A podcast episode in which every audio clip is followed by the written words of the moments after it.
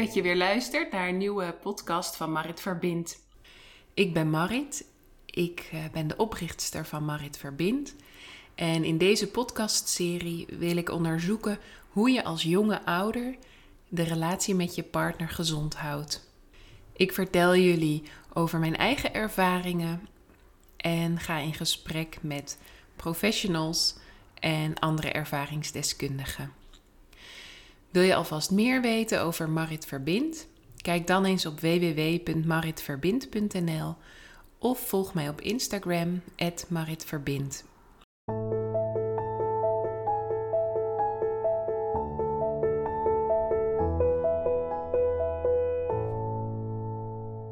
Vandaag ga ik in gesprek met Barbara Steenhof. Ze is vroedvrouw bij verloskundige praktijk FAM in Utrecht ze is al twintig jaar getrouwd met haar man en samen hebben ze drie grote kinderen. Hoi Barbara, welkom in de podcast. Super leuk dat je vandaag ehm, iets wil vertellen over jouw ervaringen met het ouderschap um, in jouw werk als verloskundige. Uh, en dan op het gebied van het gezond houden van je relatie. Yes, ja, ja. super leuk om hier te zijn. Ja. Hey, um, Kun je jezelf voorstellen? Ja, ik ben Barbara, Barbara Steenhof, inmiddels 43 jaar oud. Geboren en getogen in Duitsland, Frankfurt. Met 22 eh, ben ik naar Nederland gekomen voor de liefde. En ik heb drie grote kinderen. Een zoon van 19, een zoon van 14 en een dochter van 13. Zo. En uh, ben al heel lang getrouwd. Gelukkig getrouwd. Ja. Dus uh, dat ben ik privé en zakelijk ben ik voetvrouw. Ik ken jou ook als verloskundige. Jij was bij de geboorte van June. Ja. En um, ja, toen, toen ik begon met deze podcast, toen dacht ik... Ja, wie heeft mij nou geïnspireerd op het gebied van ouderschap? En toen kwam jij al heel snel bij mij naar boven. Ja, dat vond ik... Nou, ik was echt ontroerd toen ik dat las, toen ik dat hoorde van je. Want dat heb je denk ik als verloskundige vaak niet door. Dat je blijkbaar iets zegt wat raakt. En uh, dat hoop je stiekem. Maar. Ja, nou, niet, niet zomaar iets, maar je hebt heel veel dingen gezegd die, die mij geraakt hebben en die me bij zijn gebleven. Ja, dus ik zou het heel mooi vinden als we dat vandaag uh, met nog meer jonge ouders kunnen delen.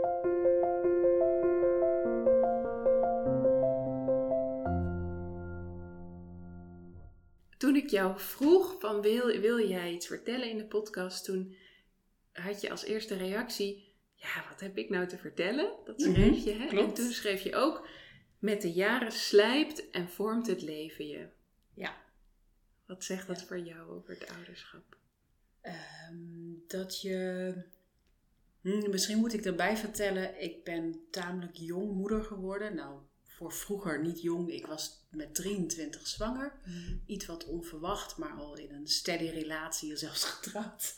Mm, en dat was hartstikke welkom. En we stonden daar nog heel bleu in. En achteraf denk ik, wat goed ook. dat dat zo was. En als ik dan terugkijk naar ja, die, die, die moeder van dan 24, van ja, wat heeft hij gedaan? Ja, wat ze toen kon. Mhm. Ehm, ik denk dat dat prima was. En toch ga je ieder jaar dat je ouder bent, dat je wat hebt meegemaakt, zou je het weer anders doen. Ja. dus dat slijpt. Mhm. Dus je, je ziet van, uh, je ziet bijvoorbeeld je inspanning. Ja, je wilde het zo goed doen en je stond in de spagaat. En nou ja, vooral als je nog onder de 30 bent, dan heb je ook nog een gevoel. Um, onbewust wil je het voor je eigen ouders goed doen. Wil je de goede moeder zijn. En daarna, ja, dat heb ik nu echt helemaal losgelaten. Maar dat was toen nog echt iets heel groots. En niet heel bewust. Ja. Dus het slijpt langzaam. Dat je denkt, oh, ik kan er vriendelijk op terugkijken. Ja, maar dat hoeft nu niet meer. Dit hoef ik niet meer te doen, voor wie ook. Jij was dus ook zwanger nog voordat je verloskundige was. Zeker. Ik heb mijn drie kinderen gekregen voordat ik verloskundige was. Ja. Um, ik ben begin 30 pas begonnen met de opleiding tot verloskundige. Dus ik ben dit jaar vijf jaar voetvrouw. Ja. Uh, dus echt laat dat vak pas ingerold. Ehm, maar ik droomde van het verloskundige zijn sinds mijn allereerste zwangerschap met 23. Dus ik heb echt, nou ja, 7, 8 jaar gedroomd. Ja. Heel actief gedroomd en gelezen en alles in me opgenomen over verloskunde, geboortezorg, ouderschap. En hoe was het toen om toen echt te gaan beginnen als verloskundige? Mm, ik denk vooral het moment om, om de keuze te maken dat ik ga studeren, dat was een heel groot omslagpunt. Mhm. Ehm, ook in het moederschap.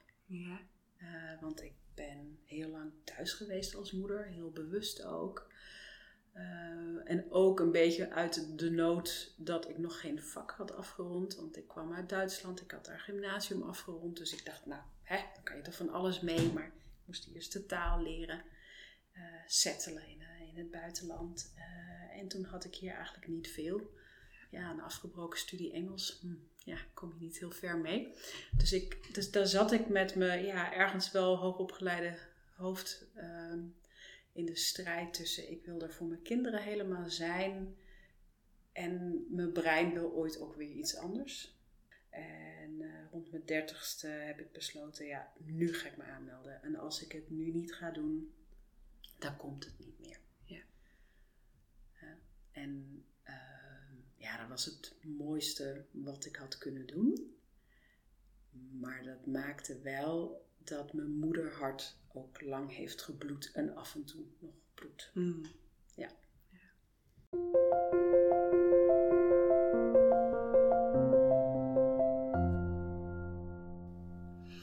En je zei net al dat jouw eerste zwangerschap, dat, dat was vrij spontaan. Mm uh, hadden jullie wel een kinderwens samen? Hadden jullie daar wel eens over gehad? Hoe zagen jullie dat voor je? Ja, ik, um, ik denk dat ik als jonge puber al wist, ik wil kinderen. Uh, en zelfs, ja, dat klinkt echt een beetje absurd, zelfs gedachten van, oh stel het lukt nou niet. Ja. Dus ik denk, terugdenkend, dat ik al begin twintig dacht, oh, dat lijkt me zo prachtig. Mhm. Dit wil ik heel graag. En ehm, mijn man en ik, we waren al uh, drie jaar samen. Ik heb hem leren kennen, toen was ik nog net 19. Mhm. Op vakantie in Spanje. En uh, we hebben lang uh, heen en weer gereisd tussen Frankfurt en Utrecht. En toen ben ik dus bij hem komen wonen. Dus we waren echt al verder dan andere twintigers mhm. in het besluit: wij gaan samen oud worden was voor hem ook het, ja, iets wat hij... Ja. ja. We hadden dus al ja, drie jaar een relatie. Ja. Uh, heel diep en verbindend en stevig. En ja, uh, als je dan terugkijkt op dat jonge stijl van toen 23 en 25, denk je, jemig, wat jong. Mm -hmm. Maar het voelde helemaal kloppend toen. Ja. Ja. ja wat, wat kenmerkte jullie relatie toen? Ja, ik denk... Uh, ja, gewoon zielsgelukkig met elkaar, diep verbonden. En we gaan wel zien wat de wereld brengt. Ja. nou ja, dat. Dus best wel bleu, maar uh, ja, hij, hij droeg mij wel financieel. Mm -hmm. uh, heel lang, tot na de opleiding. Dus dat was wel uh, ook pittig. Dus ergens, ik weet dat mijn ouders zeiden, jemig wat ouderwets. Oh ja. wat hebben jullie het ouderwets aangepakt? Voelde dat voor jou ook zo? soms wel. Mm. Dus je hebt wel een afhankelijkheidspositie. Um, maar dat was ook het stukje je eigen land, je eigen roots verlaten. Ja. ja dat is al zo'n grote stap. Ja, dus dat uh, moet je wel diep vertrouwen hebben dat je onder iemands vleugels terechtkomt. Mm. Ja. ja. Ja. En dat was er. En dat was er. Ja, ja absoluut. Ja. En toen, toen werd jij zwanger. Ja. En gebeurde, veranderde dat al iets in jullie relatie of was dat ook meteen zo? Ja, joh. Um, relatie, ik denk dat we er allebei ontzettend nieuwsgierig en met spanning, positieve spanning naartoe leefden. Ja. Hoe was die bevalling voor jullie samen? Uh, ja, medisch, ik ben echt gewoon drie keer ongecompliceerd thuis bevallen. Dus mhm. medisch eh, is het drie keer volgens het boekje gegaan. Mhm. Eh, voor mijn man, ja, hij vond het echt fantastisch. Hij, eh, hij, hij vond het spannend. Hij keek overal naar en, en, en vroeg alles en ondersteunde me. En ja, had er wel vertrouwen in. Dus dat was heel fijn. Mhm. En je moet je voorstellen, wij zijn nooit naar een zwangerschapscursus of ook maar iets gegaan. Ik heb echt ieder boek verslonden wat ik maar zag eh, en alles in me opgenomen. Dus ik heb me zeker voorbereid, maar heel erg in mijzelf. Ja. Ja, en, eh, en mijn man die deed dat meer langs de zijlijn Mhm. van ik, ik laat haar in wat zij wil en ik steun dat. Ja. En ik volg haar. En dat was prima. Ja. Dat was wat ik nodig had. Dus zo. Het is Ja. ook een heel verschil, dat, dat hoor ik vaak, hoe een vrouw zich tijdens een zwangerschap ontwikkelt en dat een Ja. partner dat niet helemaal kan volgen. Herken je dat? Zeker. Ja.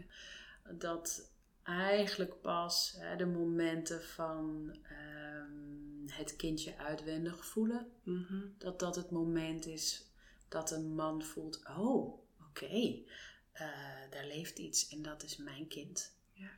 Eh, en daarvoor is het toch iets meer dragen van: oh, zij kan nu niet iets in het huis of we kunnen niks ondernemen, want ze is misselijk en moe. Mhm. Ehm, en dat, dat droeg hij wel prima, Ja. maar je ziet toch dat er afstand is. Ja. Hè? Niet, niet helemaal, niet om het te bekritiseren, maar meer je voelt het gewoon van, jij bent als vrouw al verder op weg. Mhm. Wel, En wat, was, wat betekende dat voor jullie, voor jullie relatie? Mm, ja, ik denk in die zwangerschap, zeker in de, in de eerste, vond ik dat niet erg. Hij liet me zo in mijn waarde en we waren toch nog genoeg met z'n tweetjes dat dat ging. En ik voelde me af en toe wel eenzaam. Mhm. Zeker dan eh, ook als jonge moeder met een Ja. eh, baby. Want ja, 24 jaar jong, een soort van expat. Taal kon ik wel inmiddels. Maar al die andere moeders om me heen waren ongeveer 10 jaar ouder. Ja. Hmm, Ja, dat was even slikken. Wat hielp jou? Ehm, eigenlijk iets wat ik altijd deed en doe, is mijn wereldje zelf creëren. Hm. op mensen afstappen. Me ergens in een suffe cursus, bij een suffe cursus inschrijven. Bijvoorbeeld naailes deed ik. Nou, ik hou helemaal niet van naaien. Dat was echt helemaal niks voor mij. Maar het heeft me kennissen opgeleverd. Ja. En ik heb tamelijk snel gemerkt, merkt, ik denk ongeveer na drie kwart jaar met, met een kind. Ik heb mensen om me heen nodig. En dat hoeven niet de diepste hartsvriendinnen te worden. Mm. Maar dat zijn wegbegeleiders. Die in hetzelfde schuitje zitten als ik Mhm. en mijn man.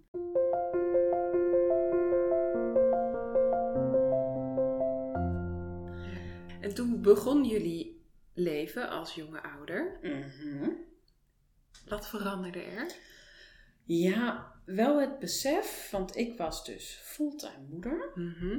Nou, dat, dat is natuurlijk. Ja, daar kom je natuurlijk met je hoofd niet bij. En eigenlijk, als ik nu, want je vroeg over de baring. Ja. Ik zei volgens het boekje. Mhm. Maar ik weet nog het moment van de hevigste pijnen. Dat ik een soort. eh, aan de ene kant een diepe verbinding voelde met alle vrouwen in de wereld. Hè? En alle moeders en je eigen moeder. Maar ook een verontwaardiging van waarom, waarom heeft mij nooit iemand verteld dat dit zo intens is? Hoe kan dat?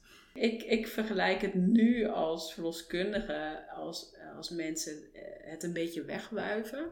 Het zich willen verdiepen in bevallen van Mhm. tevoren bij een eerste. Dat ik zeg, kijk, het is net als seks. Dan lees je als tiener daarover en dan ga je de eerste keer vrijen. En dan denk je, oké. Dan heb je misschien een hele andere verwachting dan, ja, hè, dan wat het dan is. Ja. En de eerste keer bevallen is anders dan tweede of nog een keer. ja. Ja? Is het te verwoorden? Ik denk het niet. Ik denk dat we uh, er goed aan doen om uh, ons te verdiepen Mhm. in bevallen en ook in het ouderschap. Zodat je een, uh, ja, een toolbox krijgt. Dat je instrumenten hebt waar je op terug kan vallen. Mhm. Dat je op het moment dat het tegen zit, weet welke keuzes je kan maken. Want, oh, dat heb je al een keer gehoord. Um, ja, en ik denk in het ouderschap, wat is er dan veranderd? Um, ja, heel veel moois, heel veel geluk, heel veel mooie momenten. En ook dat je je partner anders ziet in een nieuwe rol. Mm ja, dus, dus dat je niet alleen maar je, je, je lief, je man ziet, maar je ziet een vader. Ja. je ziet een, nou, we hebben dan dus een zoon gekregen en ik zag hem in interactie met onze zoon.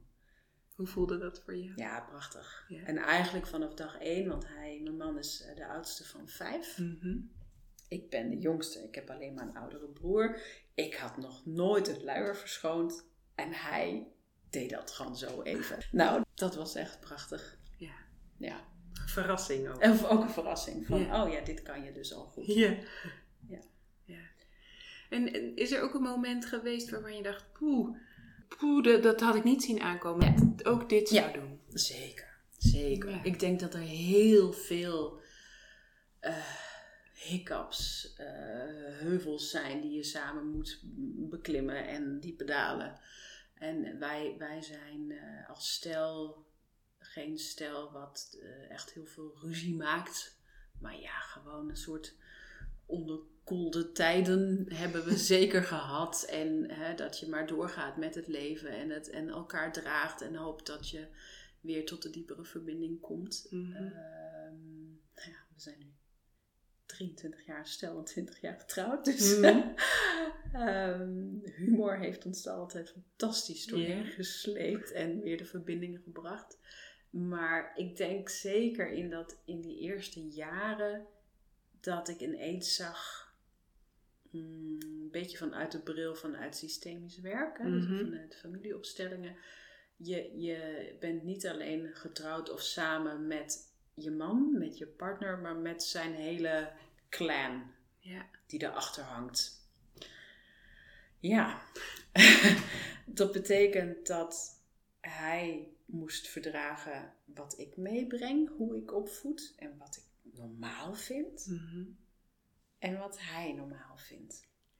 Dus je gaat handelen, je gaat iets in gang zetten, je gaat wat jij denkt wat goed is. Uit diepe overtuiging. En je, Mhm. gaat er, je staat er vaak niet bij stil dat de ander dat misschien helemaal niet begrijpt. ja. Echt heel anders vindt. En hoe vonden jullie elkaar dan weer? Oh, door heel, heel veel gesprekken. En ik denk dat je dat eh, ieder jaar weer dieper kan doen. Ja. Ja. Hoe bedoel je dat? Nou, dat wij nu eh, met drie grote kinderen eh, op, op een level zijn gekomen waar ik zo trots op ben en waar ik zo blij ben. Ja. Dat, je, dat je dingen kan uitspreken die misschien in sommige momenten niet bespreekbaar waren. Waar je voelde, oeh, de ander, ik kwets hem. Mhm. De, de wenkbrauw wordt opgetrokken en dat is gewoon oude pijn. Ja. En ik heb de woorden nog niet, want bij mij zit er ook oude pijn. Ja, Ja. en, en eh, nou, ik, ik zou heel veel ouders gunnen dat je geduld hebt met elkaar. Hm. Dus dat je niet denkt, ja, nu is die relatie kapot. Ja. En nee, ja, eh, ja, wees ook lief naar jezelf, maar wees ook lief naar de ander. Want zijn ontwikkeling, of haar ontwikkeling als je een Mhm. vrouwelijke partner hebt, gaat op een ander tempo dan jouw ontwikkeling. Ja. Je moet wel aan blijven werken. Niet in slaap vallen. Jij, jij komt op mij over alsof het, alsof het voelt van dat is het helemaal waard. Oh ja, Ja. ja. Want ik denk, ja, dat is natuurlijk echt een beetje een mening van mij. ik denk echt van, jee, maar hoeveel, hoeveel uh, relaties worden er verbroken voor een soort verliefdheidskick of, Mhm. of een, een beeld ehm, wat een relatie zou moeten zijn, Ja. wat mogelijk niet bestaat. Mhm. En ik denk de. Kijk, je moet niet bij elkaar blijven als het echt niet werkt. Nee. Dat denk ik ook. Ja, en als er eigenlijk meer leed ontstaat, ook voor de kinderen. Maar ik denk dat er vaak uit- snel uit elkaar wordt gegaan. En dat er dan altijd leed ontstaat voor Mhm. iedereen. En dat beeld van hoe een relatie eruit zou moeten zien, heb Ja. jij dat moeten bijstellen gedurende Mm. de tijd? Zeker. Ja? Ja. Waarin verschilt het? Ehm, nou ja, ik denk, dat je kent vast die klassieke overtuiging of uitspraak. ehm, ja, dat je als vrouw wordt je verliefd op een knappe man en je denkt, nou, als ik nog een beetje hier schaaf en daar schaaf, dan heb ik hem precies zo als die moet zijn. Ja. En hoe meer ik daar eerlijk naar keek, dacht ik, oh ja, dat heb ik natuurlijk ook gedacht. Mhm. Die makker en die, dit ga ik nog even schaven, komt die goed. Ja, zo werkt het natuurlijk niet. Nee. En, en, en ik zelf ook heb mijn dingen. Ja, kan die ook niet bijstellen. En wat maakt dan dat, het- dat, dat je dat kunt accepteren? Ja, dat, dat, dat is echt. Op een gegeven moment kom je erachter dat houden van zoveel breder is en zoveel complexer is. Hè, dat iemand. Kijk, het helpt natuurlijk als je veel jaren bij elkaar bent, dat je inderdaad zoveel hebt meegemaakt, dat je elkaar door diepe dalen hebt zien gaan. Mhm. Ik, ik denk dan bij mijn man en mij gewoon al dat opvoeden van drie kinderen en gewoon de verzorging van drie kinderen. Ik bedoel, eh, nou ja, van pleisters op de knie tot midden in de nachtbedden goed verschonen omdat weer het hele gezin eh, aan de buikgriep zat. Of, nou, ja, dat zijn toch gewoon dingen waar je met z'n allen doorheen gaat. Ja. En waar je weet, je staat voor elkaar klaar. Mhm. En dat je dan eh, tijd neemt voor elkaar en, en die liefde voelt als je elkaar een kop koffie brengt en denkt, oh wat, wat ben je mooi en wat fijn dat we, dat we dit samen dragen.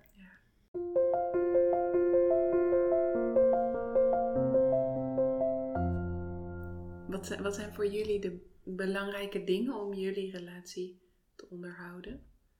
Ja, goede gesprekken. Ja. Daar echt een setting voor creëren. En dat hoeft niet altijd echt dat weekend weg te zijn, dat kan het zijn.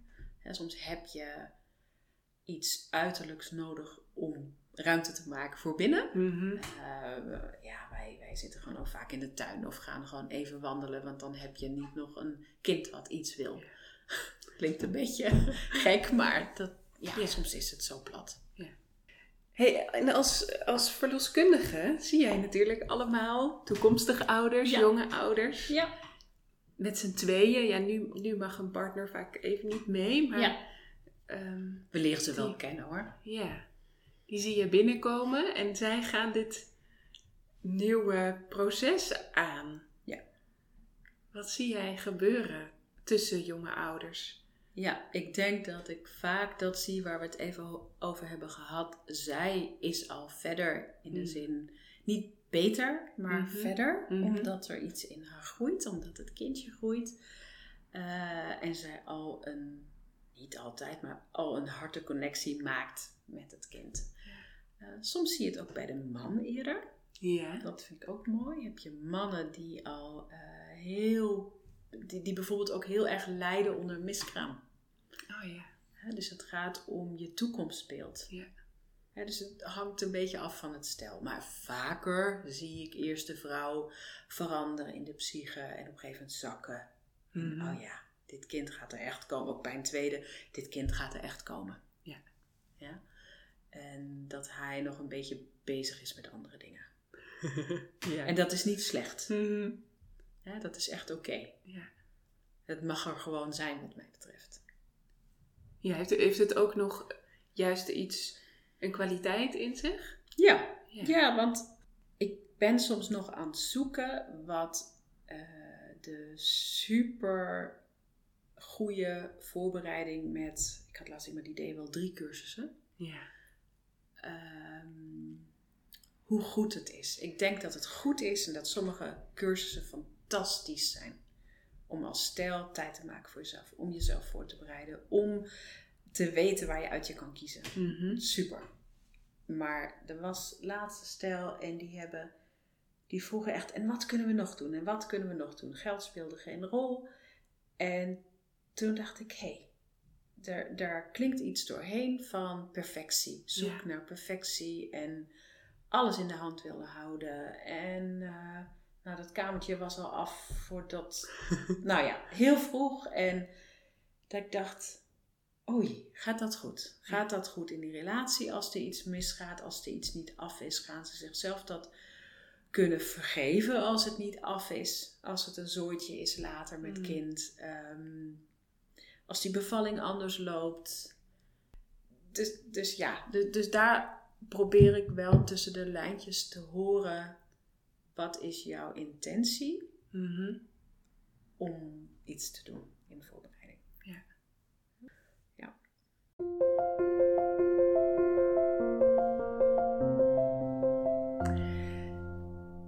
Ja, wat zou jij nou willen meegeven aan die toekomstige of jonge ouders?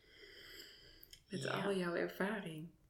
Jemig, wat een vraag. Ehm, Hoe, hoe gaan ja. zij ook die 20 jaar Die getrouwd? Nou, dat, dat moet, ik denk, ik denk dat er een paar dingen niet een doel op zich moeten zijn. Ja. Ik denk bijvoorbeeld bij bevallen, denk ik, een thuisbevalling moet geen doel op zich Mhm. zijn. En je moet daar bevallen waar jij je veilig voelt. En, eh, en ik denk dat de vrouw daar ja, toch, toch de grootste stem in heeft, maar haar man niet mag vergeten in wat hij voelt, want die, ehm, die is aanwezig, die, is, die heeft ze ook nodig en die heeft ook invloed op de sfeer. Ja. Dus als hij niet zich goed voelt en niet gehoord is, is dat een negatieve invloed. Mhm. Dus je moet het wel samen doen. Ja. Dus dat denk ik aan voorbereiding. Wat voor cursus of wat je doet, doe alsjeblieft de voorbereiding als stel. Heb het erover. Ja. Waar ben ik bang voor? Waar hoop ik op? Eh, wie wil ik bij me hebben? Dat soort dingen. Dus dat denk ik even als verloskundige voor het echt de bevalling. Ja. En dan denk ik later voor dat ouderschap, nou ja, je kan het er al in een zwangerschap over hebben. Mhm. Af en toe even van, hé, hey, maar hoe was het bij jou vroeger thuis? Hoe was die sfeer? Hoe waren jouw ouders voor je? Hoe was je moeder voor je? Wat is de relatie met je moeder of je vader? Zitten er dingen? Zie je er tegenop? Ben je bang ook, ook om zo, zo te worden Ja. als je moeder of je vader? Ja. En dat elkaar vertellen. Want dat is wel wat jou, eh, daar relateer je aan. Dit is jouw normen en waarden. Mhm. En ga alsjeblieft dat lekker verbinden en sommige dingen overboord gooien. Ja. Maar je denkt, nee, dat is of niet meer van deze tijd, of het heeft me echt niet gediend, het dient ons nu niet. We gaan een nieuwe weg inslaan samen. Dus dat, en, en, en wees mild voor jezelf altijd en de ander.